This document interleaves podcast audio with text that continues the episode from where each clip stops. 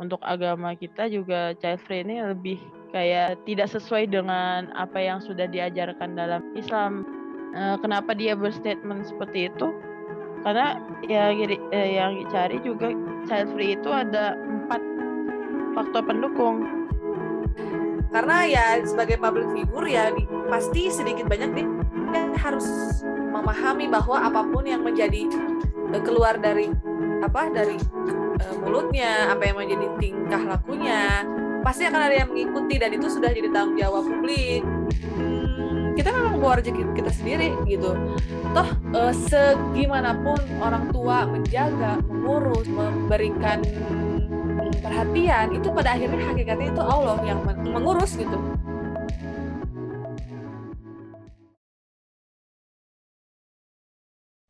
Ya udah, Oke. Okay. Thank you.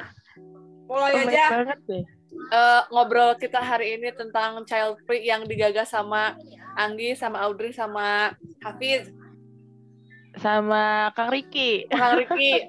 Banyak yang menggagasnya ya. Kalau aku yes. sih boleh jujur, kalau boleh jujur, waktu lagi kemarin lagi happening banget gitu, ngikutin Terus karena waktu ngikutin bikin emosi, jadi aku nggak aku ikutin lagi. bikin emosi nggak sih? Atau gimana? Uh, kalau dari aku ya, ya emosi iya parah sih teh. Oh, oh. Emosi. Bikin emosi ya. Nah coba Banget. nih yang menggagas dulu lah yang uh, cerita tentang child free. Aku mah mau nyimak. Aduh, siapa nih? Siapa nih?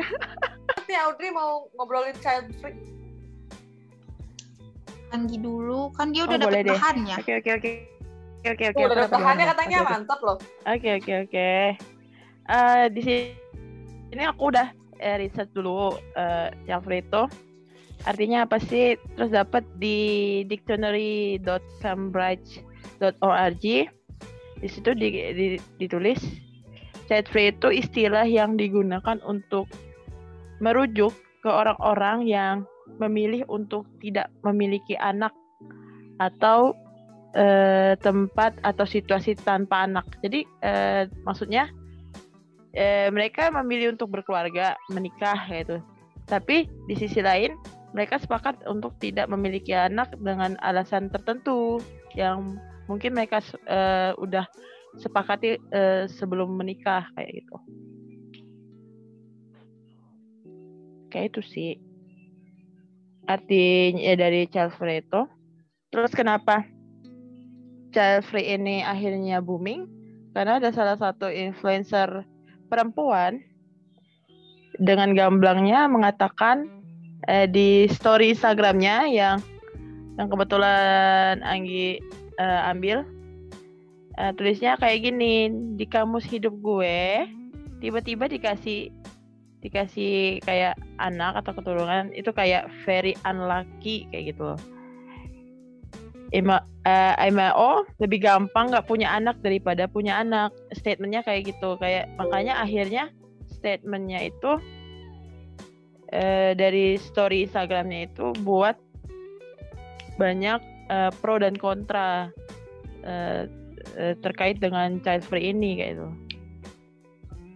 karena kan uh, sebenarnya uh, child free ini udah udah uh, awam untuk di dunia barat. Tapi kalau untuk di dunia kita sendiri kayak di Indonesia ataupun untuk agama kita juga child free ini lebih kayak tidak sesuai dengan apa yang sudah diajarkan dalam Islam.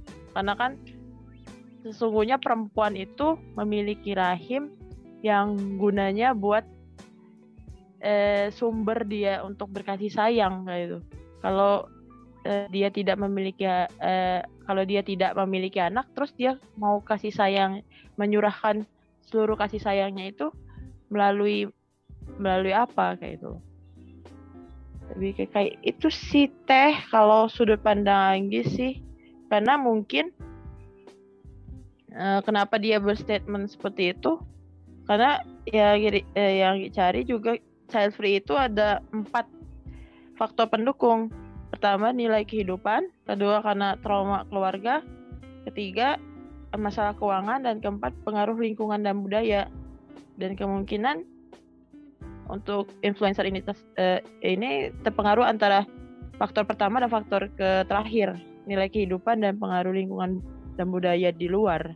Akhirnya membuat uh, dia bisa berstatement kayak begitu sih. Mengapa dia tidak ingin memiliki anak? Karena udah terpapar sama pengaruh lingkungan di luar. Lebih ke kayak gitu sih teh. Gimana kalau buat teman-teman yang lain? Ya pada diem deh. Aku udah udah riset loh aku udah riset. Karena uh, menurut aku apa kenapa dia memilih child free child free itu karena karena dua faktor itu sih teh karena dia eh, terlalu banyak eh, berkecimpung di dunia eh, luar di luar negeri lah.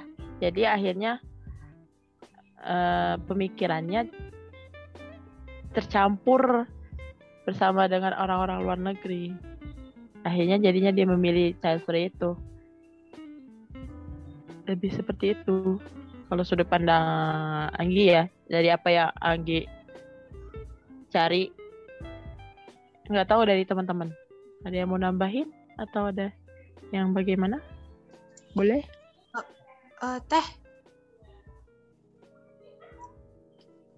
Teh teh siapa nih? boleh nambahin dulu enggak kan tadi yang ngomong teh Anggi jadi mau sedikit uh, nimbrung gitu loh boleh oke okay.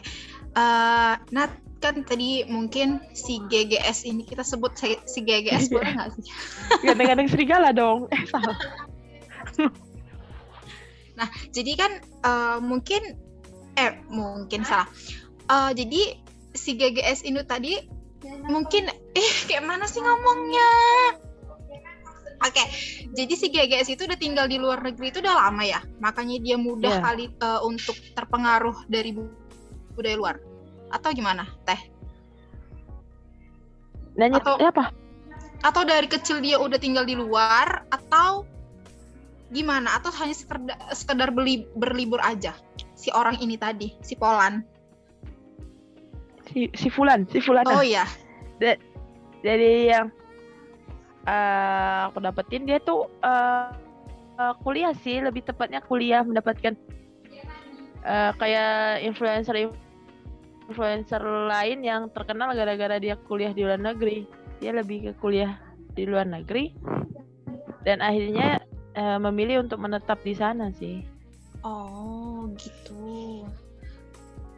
Iya bukan besar uh, kecil di sana enggak tapi lebih ini terus dampaknya si bahasan child free ini di Indonesia gimana sih se seviral apa terus berpengaruh apa sampai bikin ada yang pro dan kontra itu ngikut? Uh, sangat viral. Kalau dari kacamata Anggi sendiri ya sangat viral sih teh, karena uh, child free ini kan memang benar-benar awam ya untuk di negeri kita sendiri kayak gitu kan, karena uh, kebanyakan orang-orang yang memilih untuk uh, menikah eh, pasti di negeri kita ini keinginannya besar untuk memiliki seorang anak gitu. Terus tiba-tiba ada yang mencetuskan bahwa uh, kalau uh, uh, memilih untuk memiliki anak itu adalah suatu hal yang uh, gimana ya? Tidak ada kebebasan bagi seorang perempuan gitu loh. Padahal Eh, semua perempuan di negeri ini kebanyakan kalau kalau udah nikah ya mau mau punya anak gitu dan terkadang malah dituntut ingin harus punya anak gitu loh dari segi mertua atau orang tua karena untuk melanjutkan keturunan kayak itu hmm. makanya kayak ya bakal ya pasti viral bisa dilihat dari banyaknya influencer lain yang ada yang ikutan pro, ada yang ikutan kontra dan lebih banyak kontranya sih. kalau Anggi lihat. Hmm, boleh nambahin sedikit terkait itu nggak sih? Uh, masalah ini kan eh bukan bukan masalah sih, maksudnya statement ini keluar kan uh, membuat seantero penduduk yang ada di Indonesia itu kan uh, ini ya heboh ya terkait ini juga. Mungkin dampaknya itu besar gitu. Kenapa? Karena mungkin dari statement dia yang dia keluarin dan bagi kita yang uh, pembaca apalagi uh, contohnya kayak Eh, orang-orang uh, yang mau menikah atau yang sudah menikah misalkan itu pasti mungkin bakal terpengaruh teh dan itu dampaknya kepada mereka mereka juga. Jadi kalau dipikir-pikir uh, ah bener juga ya statement dari GGS ini terkait dengan ini ini ini boleh nih uh, lebih bagus kita nggak usah punya anak sekalian deh gitu. Toh juga nggak ada nambah beban uh, dan uh, apa ya keuangan juga nggak uh, termakan banyak istilahnya kayak gitu. Pasti bakal berdampak gitu apalagi uh, anak-anak muda atau orang-orang yang udah nikah nikah muda itu pasti akan akan berpengaruh. Tapi kembali lagi sih di orang di orang itu gitu. Kalau misalkan uh, punya pemikiran yang uh, apa ya kontra gitu pasti mereka nggak akan ngikuti. Karena kembali lagi menikah itu kan untuk uh, apa ya bahasanya membuat ya membuat atau uh, generasi-generasi unggul gitu kan. Jadi kalau misalkan mereka yang ngebahas tentang udah deh kalau nikah nggak usah punya anak gitu. Jadi ya buat apa gitu. Padahal kan mereka uh, menikah kan ya sebenarnya tujuannya ke sana juga kayak gitu. Pasti berdampak. Itu sih menurut aku gitu. Berdampak bagi anak-anak muda yang mau menikah muda atau yang udah menikah gitu. Kan ini bahaya gitu. Gitu. Betul betul. Setuju banget Gimana yang lainnya ada yang mau mengungkapkan pendapat tentang setuju ke arah pro, setuju ke arah kontra? Enggak nih. Nah, balik lagi nih, aku ada pertanyaan juga sih. Sebenarnya yang setelah setelah viral ini, setelah hmm, viral dan menimbulkan pro dan kontra gitu, gitu ya. Terus uh, yang bersangkutan ini dia ada speak lagi nggak sih? Ada membahas lebih panjang lagi nggak sih? Atau atau ya udah lewat gitu. Ada sih teh uh, ketemu di Instagramnya. Uh, sedikit stalking lah ya Instagram. Instagram influencer itu dan suaminya. Jadi kayak uh, intinya sih isinya itu kayak ya udah sih ngapain sih kamu ngurusin hidup kita? gitu loh. Toh ini kita yang uh, pilih kita yang jalanin intinya kayak gitu. Dan ya mirisnya ada yang baca iya apalagi bawa-bawa agama ya gitu segala macam kayak gitu kan di komenannya itu. Ya biarin aja lah dasar pemikiran kampung udik.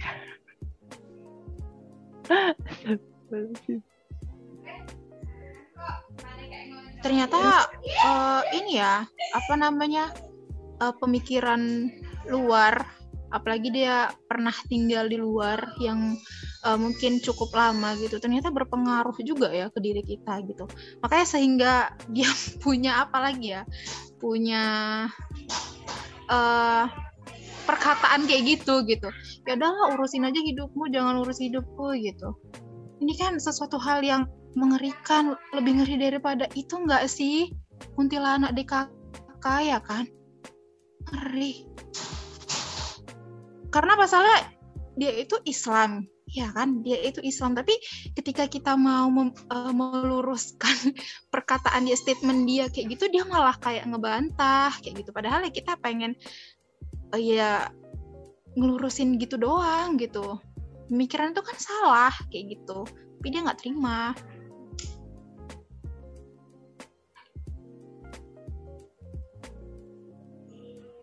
Iya betul, apalagi kan beliau influencer ya, jadi pastinya ya memang budaya budaya apa ya budaya keartisan gitu yang aku perhatikan tuh di Indonesia tuh beda juga ya dengan di luar negeri juga gitu. Uh, apa ya? Hmm, kalau kayak di Korea lah, Korea Selatan, taruhlah Korea Selatan. Kalau misalnya ada influencer atau ada artis sehingga menyebabkan kekisruhan gitu ya di masyarakat dia punya tanggung jawab buat setidaknya minta maaf gitu ya kalau misalnya. Karena ya sebagai public figure ya di, pasti sedikit banyak dia, harus memahami bahwa apa pun yang menjadi uh, keluar dari apa dari uh, mulutnya apa yang menjadi tingkah lakunya pasti akan ada yang mengikuti dan itu sudah jadi tanggung jawab publik. Jadi sebenarnya memang kalau sampai ternyata ada komentar baliknya setelah viral malah dia bilang kayak gitu malah kayak ya udah ini kan hidup aku. Itu kayaknya ya kalau gitu kamu jangan jadi influencer. Kan namanya influencer itu dia menginfluence ya dia mempengaruhi gitu. Orang lain dia punya udah punya power untuk mempengaruhi. Nah ketika power yang ini dia gunakan untuk sesuatu yang kurang bagus kan dampaknya juga lumayan gitu. Nah, yang dari yang lain nih, boleh mungkin ada tambahan tentang informasi-informasi child free yang belum disampaikan tadi kita selama ngobrol. Oke, okay. kalau gitu aku boleh ya ibu ngajuk eh share pendapat aku juga. Boleh boleh boleh banget itu yang ditunggu. Waduh ini kalau udah aku yang ngomong kadang-kadang suka panjang nih. Nanti kalau uh, udah menyerah mendengarkan angkat tangan ya. Lebih seru gas, teh. Gas, gas. Malah kalau diem aja tuh kayak aduh, ya enak. Oh gitu ya udah tuh. Nggak takutnya kalian merasa dinilai baboin sama aku terus tidur oh, pada semua. Dong. Tenang teh kita ya, udah kalau misalkan tadi udah kayak berasa didongengin gitu ya teh. Tadi sore udah tidur kita aman aman. Oh aman. Oke deh. Aku tadi ini sih, aku tulis beberapa poin yang di yang di mention teman-teman ya. Pertama kan ini isunya mencuat karena influencer. Tadi udah dibahas sedikit ya. Jadi influencer ini sebenarnya dia pada akhirnya mau nggak mau harusnya dia berpikir dia punya hmm, tanggung jawab terhadap publik di mana ya tadi apa pun yang dia kerjakan, apa pun yang dia katakan akan mempengaruhi orang lain. Jadi mestinya ya kita berdoa kalau kita juga cita-cita jadi influencer, mudah-mudahan kita tuh menginfluence-nya tuh yang yang baik-baik gitu kan. Yang baik-baik, yang positif-positif dan yang paling penting adalah yang benar.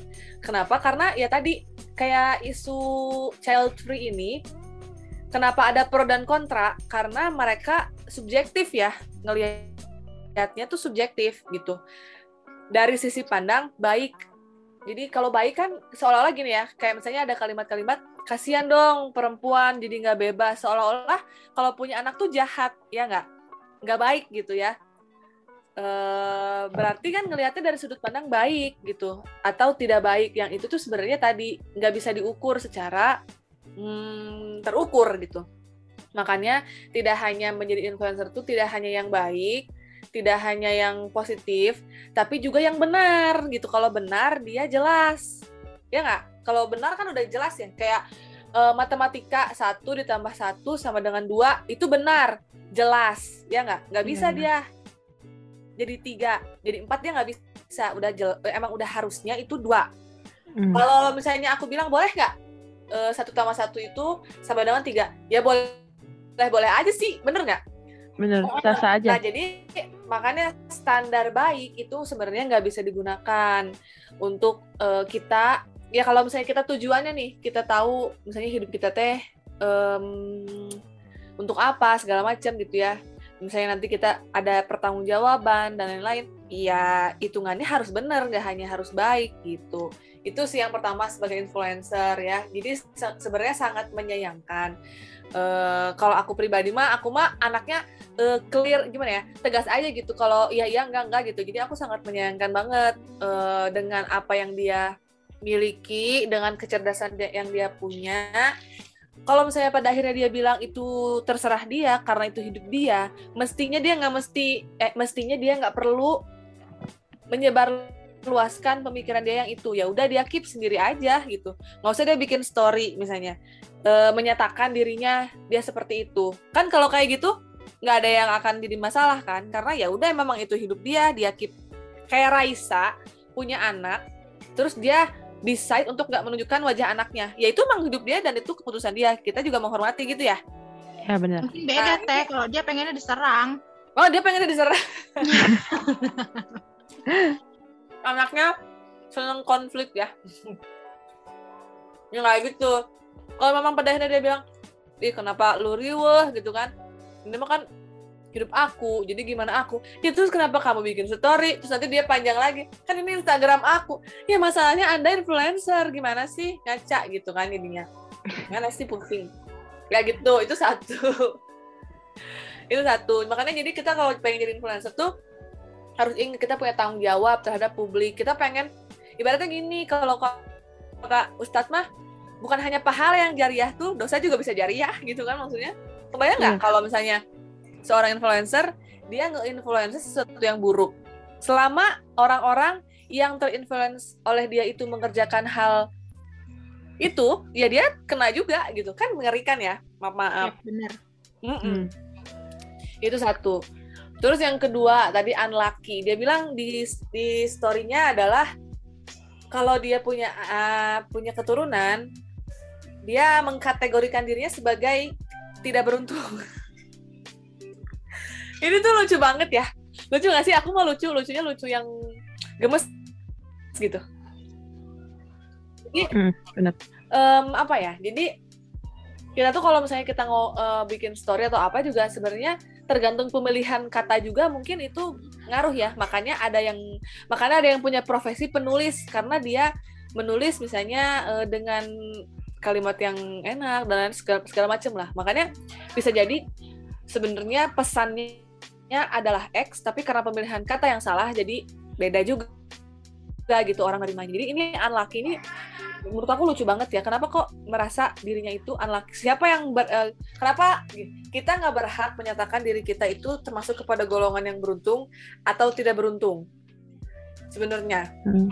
jadi eh, ketika dia menjudge, menjudge langsung kalau misalnya dia punya anak itu dia unlucky aku yakin pasti panjangnya kepanjangan dari merasa ketidakberuntungan itu karena masalah di titik mungkin ekonomi. Terus tadi dia bilang dalam tanda kutip kebebasan. Ibaratnya mungkin free time-nya jadi nggak ada dan lain sebagainya gitu ya. Which is sebenarnya itu juga em, tidak kita percaya bahwa kayak rezeki terus waktu luang itu tuh juga bukan milik kita pada akhirnya gitu sebenarnya. Dan bukan kita yang ngurus. Dia tahu dari mana. Kalau misalnya dia punya anak tuh ekonomi dia em, berkurang gimana kalau misalnya anaknya malah mendatangkan rezeki bener nggak misalnya Setuju. contohnya Rafathar Rafathar kurang apa dieksploitasi sama mama bapaknya mama ya nggak Iya. Ya, bener. Nah, nah, jadi kan emang Rafathar eh, iya mungkin dia di maksudnya dia di kasarnya dia diekspos ya. Tapi kan berarti itu rezekinya Rafathar. Dia bawa sendiri gitu. Kasarnya. Jadi ya secara kan kalau kita ngomongnya makan makan maaf nih ya aku ngomonginnya banyak merek. Kenapa? Karena kalau abstrak pasti tetap nggak kebayang. Misalnya kalau aku bilang kayak gini, anak itu Allah juga bilang di Quran anak itu kalau misalnya kita punya anak gitu ya, anak itu bawa rezekinya sendiri. Masih Tapi di masih si- masih di nggak sini- tuh. Di sini teh dapat dari suara.com kan. Di Hmm. sini ba- baca kenapa mereka memilih untuk tidak punya anak karena Hmm. Karena pengen berdua aja. Pasti. Pemikirannya itu cetek. pengen berdua aja. Ya, terus katanya buat aku punya anak itu such a big deal. Bagaimana kalau Hmm. misalnya kami sebagai orang tua yang memiliki responsible, taunya malah memberikan luka pada anak, katanya. Katanya gitu. Itu anaknya insecure banget, mama. Ya oke, nanti dibahas. Eh, oke, itu poin baru ya. Tapi aku kebayang, Poin baru. kebayang arah dia kenapa berpikir kayak gitu gitu ya. Tadi yang pertama kan kalau masalah anak rezeki gitu ya, itu udah clear ya. Banyak banget sekarang ibu-ibu dan bapak-bapak yang mengeksploitasi, mengeksploitasi anaknya gitu. Maksudnya bukan gimana ya. Kayaknya terlalu jauh pemikirannya.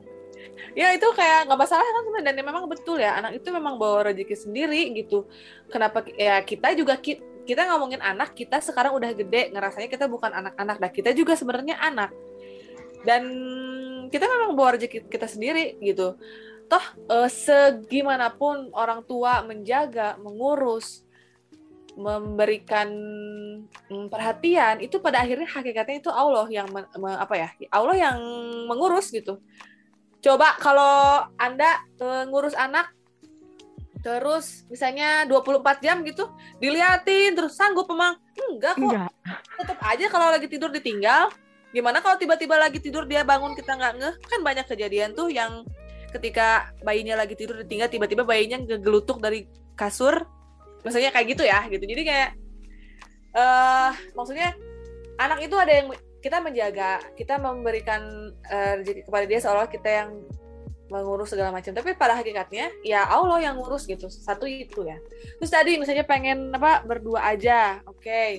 berdua aja tuh kayak gimana sih? Nempel lekat se 24 jam bareng. Aku yakin gak kok? Ini tuh apa ya? Ini tuh sebuah klise. Sok. Uh, mau disambungin ke arah uh, Allah boleh, nggak pun nggak masalah. Sekarang gini, uh, suami istri pernah nggak orang tua kita aja kelihatan bareng terus? Nggak, nggak, nggak, nggak. Nggak, nggak, Ada waktunya ketika mereka mandi juga nggak bareng. Mungkin lagi ada yang kerja, satunya di rumah.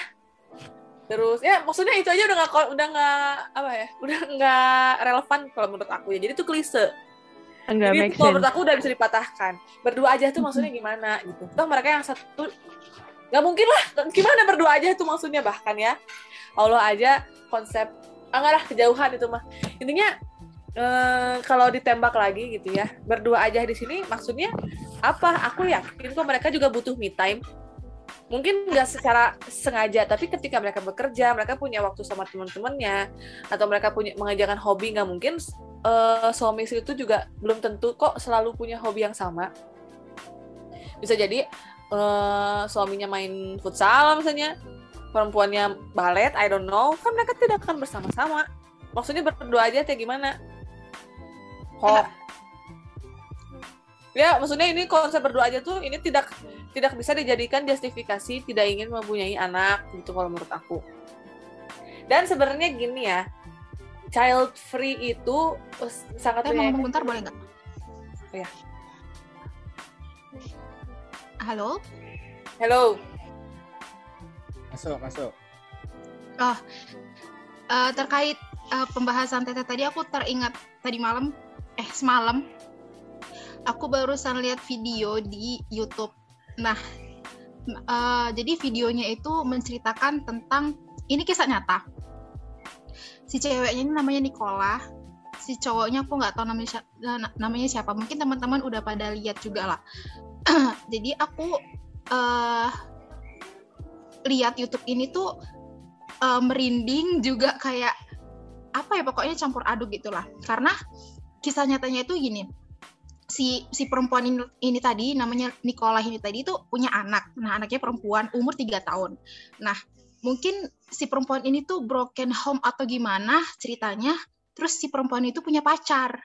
Nah pacarnya itu lebih muda dari dia setahun terus karena kita tahu ya anak-anak umur tiga tahun itu pasti kayak suka masih rewel atau pengen masih deket sama ibunya gitu. Tapi uh, ibunya itu malah nggak seperti ibu ngerti nggak sih? Nggak seperti malaikat baik malah dia itu buruk bahkan lebih buruk dari iblis gitu. Kalau kalau misalkan uh, aku denger kisahnya waktu aku lihat uh, YouTube gitu ternyata si anak ini tadi itu dibunuh sama ibu sendiri sama pacarnya gara-gara mengganggu mereka berduaan kayak gitu. Nah mungkin ini bisa dikaitkan uh, dengan pembahasan kita ini gitu. Mungkin salah satu uh, salah satu apa namanya um, alasan GGS ini tadi itu nggak mau punya anak setelah nikah mungkin gara-gara itu. Mungkin gara-gara terganggu teh me time mereka berduaan mereka kayak gitu. Karena memang benar-benar padahal itu dari uh, dari rahim dia gitu. Tapi dia uh, menendang dada anak kecil umur tiga tahun terus si pacarnya itu uh, malah mensupport si ibu ini tadi untuk ayo ayo ayo matikan aja dia gitu. Dan ada ada ada screenshot chat gitu bahwasannya uh, si si ibu ini tadi marah kalau anaknya itu pup di popo gitu. Padahal itu hal yang wajar ya itu lumrah lah. Pup itu kan salah satu kebutuhan apa ya bisa dibilang kayak uh, ya udah gitu maksudnya manusiawi kayak gitu. Pup terus kayak mohon maaf kayak buang air ke, uh, air kecil gitu. Itu ibunya marah besar gitu. Uh, uh, dan chatnya dia ke pacarnya tuh aku nggak suka lihat anak seperti ini gitu. Jadi mau kamu apakan kayak gitu. Uh, ada saatnya kita akan mematikan dia. Ibunya sendiri loh yang bilang kayak gitu. Padahal itu dari rahim dia kayak gitu. Terus yang lebih parahnya lagi dari video yang aku tonton kemarin uh, bahwasannya si cowoknya ini tadi itu sama si perempuannya pas udah selesai ngebunuh anaknya ini tadi secara yang tidak wajar kayak gitu malah ditaruh ke lantai. Bukannya maksudnya kalau udah kayak gitu bukannya taruh di atas kasur atau apa. Dan yang lebih parahnya lagi ibunya malah uh, joget TikTok dan dan setelah joget TikTok dia malah upload lagi TikTok yang uh, semua TikToknya itu videonya itu foto anaknya. Kayak seakan-akan dia itu sedih gitu lah padahal dia pembunuhnya kayak gitu. Mungkin ini bisa dikaitkan juga sama uh, apa namanya pembahasan kita malam ini kayak gitu. Mungkinlah uh, dari mungkin itulah budaya barat ya teh ya. Maksudnya kayak pemikiran-pemikiran barat yang udahlah nggak usah punya anak gitu. Apalagi uh, kita uh, apa namanya belajar banyak banyak ambil uh, pembelajaran dari kisah nyata itu. Dan itu juga baru tahun kemarin kejadiannya tahun 2020 bayangin seorang ibu bunuh anaknya karena mengganggu waktu mereka. Maksudnya dalam dalam tanda kutip ya gitu-gituan gitu. Anak kecil ini itu tadi awalnya tertidur. Jadi jadi karena tertidur eh maksudnya belum dipaksa tidur sama ibunya karena ibunya mau uh, tanda kutip gitu-gituan gitu sama pacar ini tadi ya gimana ya? Namanya anak kecil umur 3 tahun belum ngantuk pasti kan dia rewel ya nyari ibunya ke sana kemari. Saking jengkelnya ibunya ditendang dadanya terus si pacarnya tadi tendang bokongnya. Alhasil anaknya meninggal. Dan kata dokter ini lebih lebih parah. Lebih parah dari dari kita yang jatuh di lantai 5 dan lebih parah saat kita ditabrak mo, mo, mo, mobil bayangkan teman-teman gimana kerasnya tunjangan dari ibunya, tunjangan dari si laki-laki ini tadi terhadap, terhadap anak yang umur 3 tahun. Kita nggak ngebayangin ya, padahal anak itu adalah titipan Allah.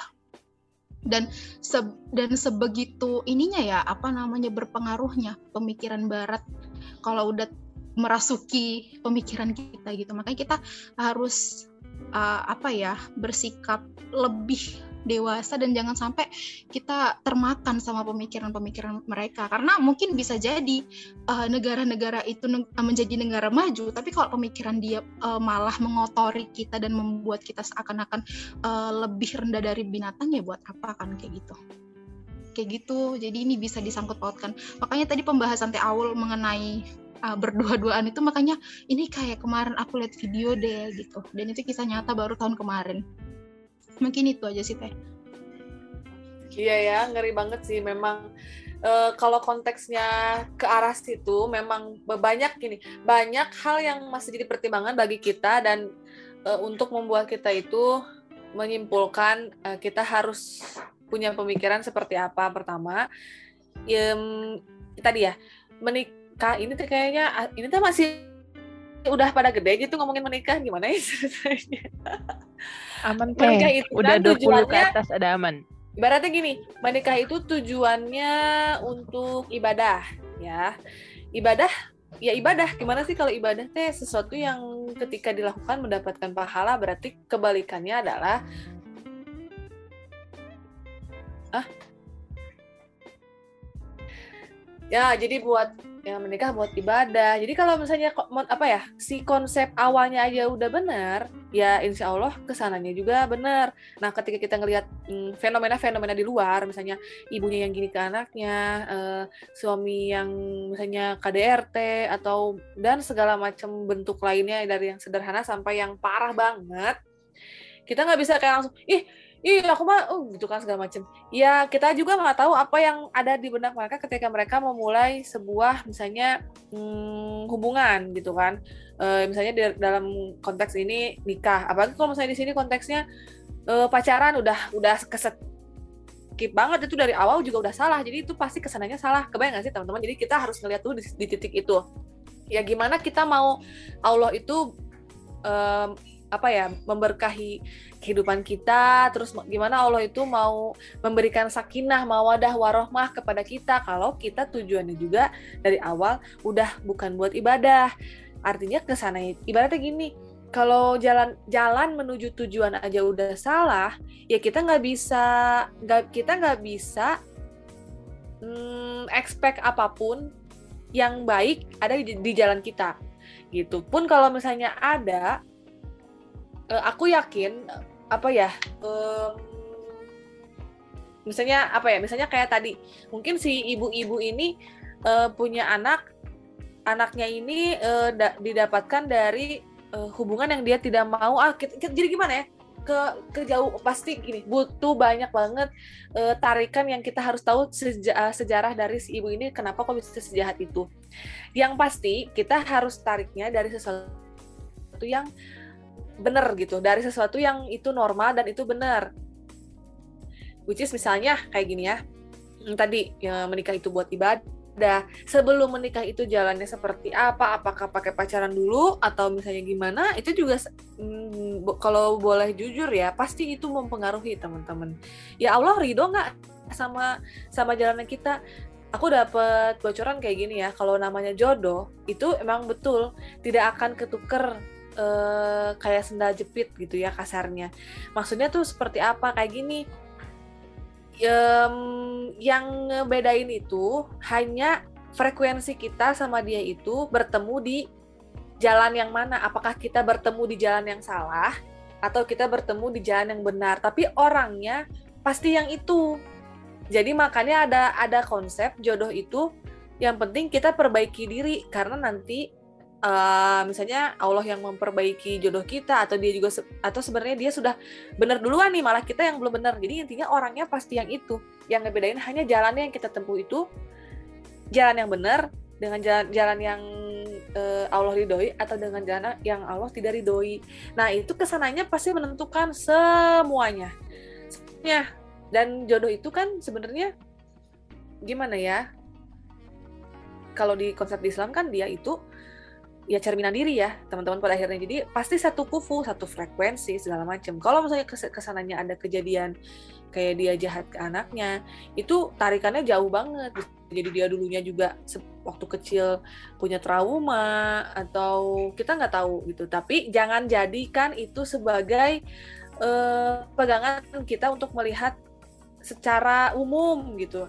Terus jangan jadikan itu menjadi pegangan kita untuk eh, yang menjadi bahan pertimbangan bagi kita. Enggak yang yang jadi bahan pertimbangan itu yang benar. Makanya tadi di awal eh, kuncinya adalah bukan yang baik tapi yang benar. Benarnya gimana sih? Eh, karena ini sederhana gini lah kalau aku suka ngasih contoh teman-teman yang paling dekat dengan kita itu misalnya ujian sekolah ya. Ujian di sekolah. Teman-teman misalnya eh, nyontek atau dicontekin ya kan? Terus temen yang lain nih yang terlibat dengan kita kalau dia kita nggak kasih contekan dia bete. Dia akan bilang kita jahat kita nggak setia kawan segala macem. Seolah-olah itu tuh sesuatu yang nggak baik di pertemanan kita dan teman kita. Tapi itu sesuatu yang benar atau salah? Sebenarnya itu Salah. sesuatu yang, sesuatu yang benar untuk dilakukan tidak memberikan contekan. Bener. karena Nah. kita sedang ujian tapi kok kayak yang nggak baik ya ke temen. Ya kayak gitulah konsepnya. Jadi memang eh, kalau konsepnya dipakai itu benar itu subjektif banget. Nggak bisa dipakai apalagi untuk hal kalau hal-hal yang sederhana sih nggak apa-apa dipakai. Tapi kalau untuk hal-hal yang udah prinsip itu mesti lari ke benar dan salah. Karena Allah juga di Quran bilang ya hak dan batil itu nggak akan pernah bercampur itu Al-Baqarah berapa tuh? Ya nggak bisa bercampur. Ibaratnya hak dan batil tuh kayak ya kayak kalau yin dan yang lah gitu kan dia hitam putih. Ya udah dia nggak ada eh, abu-abu gitu kan. Terus misalnya em, minyak sama air dia nggak akan pernah bersatu meskipun dia sangat berdekatan nggak akan pernah bisa toh pada akhirnya juga Allah hanya menyediakan dua tempat kan surga dan neraka. Itu clear banget. Jadi kalau kita bisa bicaranya benar dan salah itu udah apa ya udah bikin kacamata kita tuh eh, clear gitu sebenarnya. Jadi buat kayak cerita-cerita di luar fenomena banyak banget teman-teman. Jangankan yang jauh ya yang deket sama kita aja di pinggir kita tetangga kita itu banyak banget kejadian-kejadian yang tidak mengenakan. Ya pelecehan lah sederhananya ke- pada anaknya sendiri misalnya. Atau misalnya ah macam-macam lah kan sekarang udah aneh banget ya dunia ini. Udah aneh-aneh lah sebenarnya gitu. Itu tarikannya panjang. Apakah ya mungkin si ibunya juga tidak mm, memakai Quran dalam kehidupannya kita nggak tahu gitu ya. Bahkan tadi kan ada ada ada kalimatnya dia sedang melakukan hubungan dengan pacarnya itu udah salah. Pasti yang sedang ada di diri dia siapa? Allah atau setan gitu kan? Segala macam. Itu panjang ke sananya. Jadi ya mudah-mudahan teman-teman punya mindset satu tuh yang itu. Bahwa ketika kita menjalani aktivitas kita kita jangan jangan terguncang oleh baiknya atau tidak baiknya si subjektivitas manusia si hasil konstruksi sosial yang sebenarnya kadang-kadang terus terusan berubah. Ya kita pegangnya hak dan batil aja di mata Allah kayak gimana? Kacamata Allah kayak gimana? Jangan kacamata kita. Ini kalau Allah gimana nih gitu? Ya udah salah ya udah dari awalnya salah kesannya juga apa yang mau kita harapkan kan pada akhirnya. Sebenarnya kalau yang tadi balik ya ke child free Em, kemarin aku baru nonton Black Widow. Teman-teman nonton nggak Eh, eh, tahu nggak Marvel Black Widow Enggak deh. Tapi kalau Marvelnya tahu.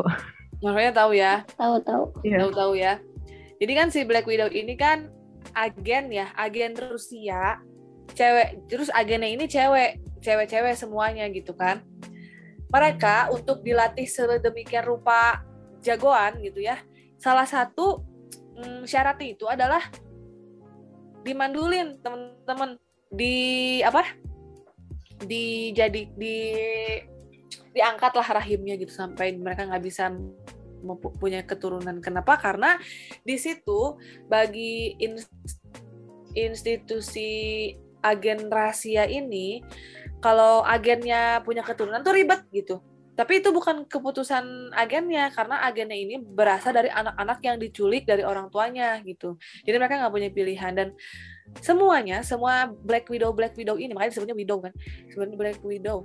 Widow itu janda black itu item. Jadi janda item. Ya gimana maksudnya artinya? Apa ya artinya ya btw ya jadi em, ke mereka sendiri sedih gitu. Kalau ibaratnya kalau emang betul secara naluriah perempuan pada akhirnya yang yang yang benar yang yang ya naluriah itu berarti kan yang alami ya yang alami yang paling dasar adalah eh ya punya rahim dan itu rahim itu kan kalau misalnya spesifikasi lah di HP gitu ya kasarnya misalnya baterai gitu. Kalau baterainya nggak ada ya dia nggak jalan gitu. Nah jadi sebenarnya hmm, perempuan itu dengan rahimnya itu ada- adalah udah satu paket yang dari Allah tuh ya sempurna gitu. Jadi kalau misalnya ada ada kalimat yang bilang dari perempuannya sendiri dia tidak punya eh tidak mau punya keturunan karena dia tidak memiliki kemampuan dia sudah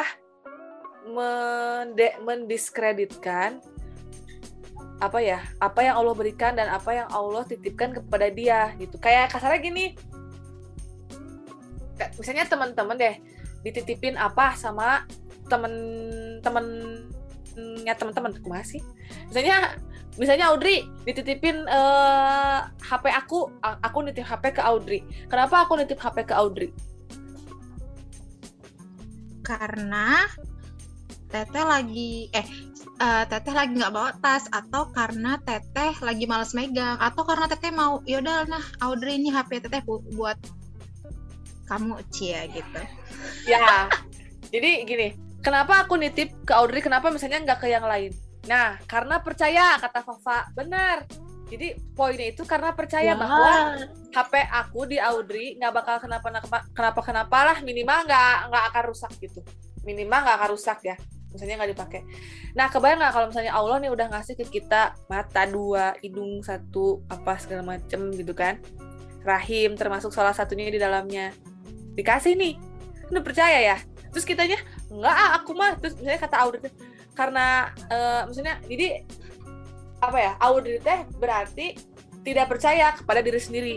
Dan Audrey tidak percaya kepada aku yang sudah percaya kepada Audrey. Bener nggak jadi sebenarnya sesederhana itu ketika dia bilang aku mah kayaknya nggak mampu. Kan sederhananya dia pengen bilang gitulah gitu ya. Ada yang tadi dia bilang pengen berdua aja misalnya. Terus nanti dia bilang lagi aku mah takut nggak mampu ngurusnya gitu. Berarti dia udah mending kalau yang dia nggak percayain itu aku ya. Tapi dia nggak percaya sama Allah gitu. Yang udah ngasih hmm, sesuatu ke dia. Kan itu lumayan berat ya guys konteksnya nggak percaya sama Allah yang udah ngasih hmm, apa ya fasilitas ke kita. Dan fasilitas fasilitas apa? Maaf maaf aku lagi aku lagi makan ini Pringles. Salpok. Ayo Hafiz terus udah gitu. Jadi aja lupa. Ah apa tadi teh? Enggak, tapi tapi teh dia kayak apa ya? Si influencer itu dari yang Anggi baca ya. Itu dia itu kayak menekan kemungkinan adanya anak gitu. Tapi gimana caranya?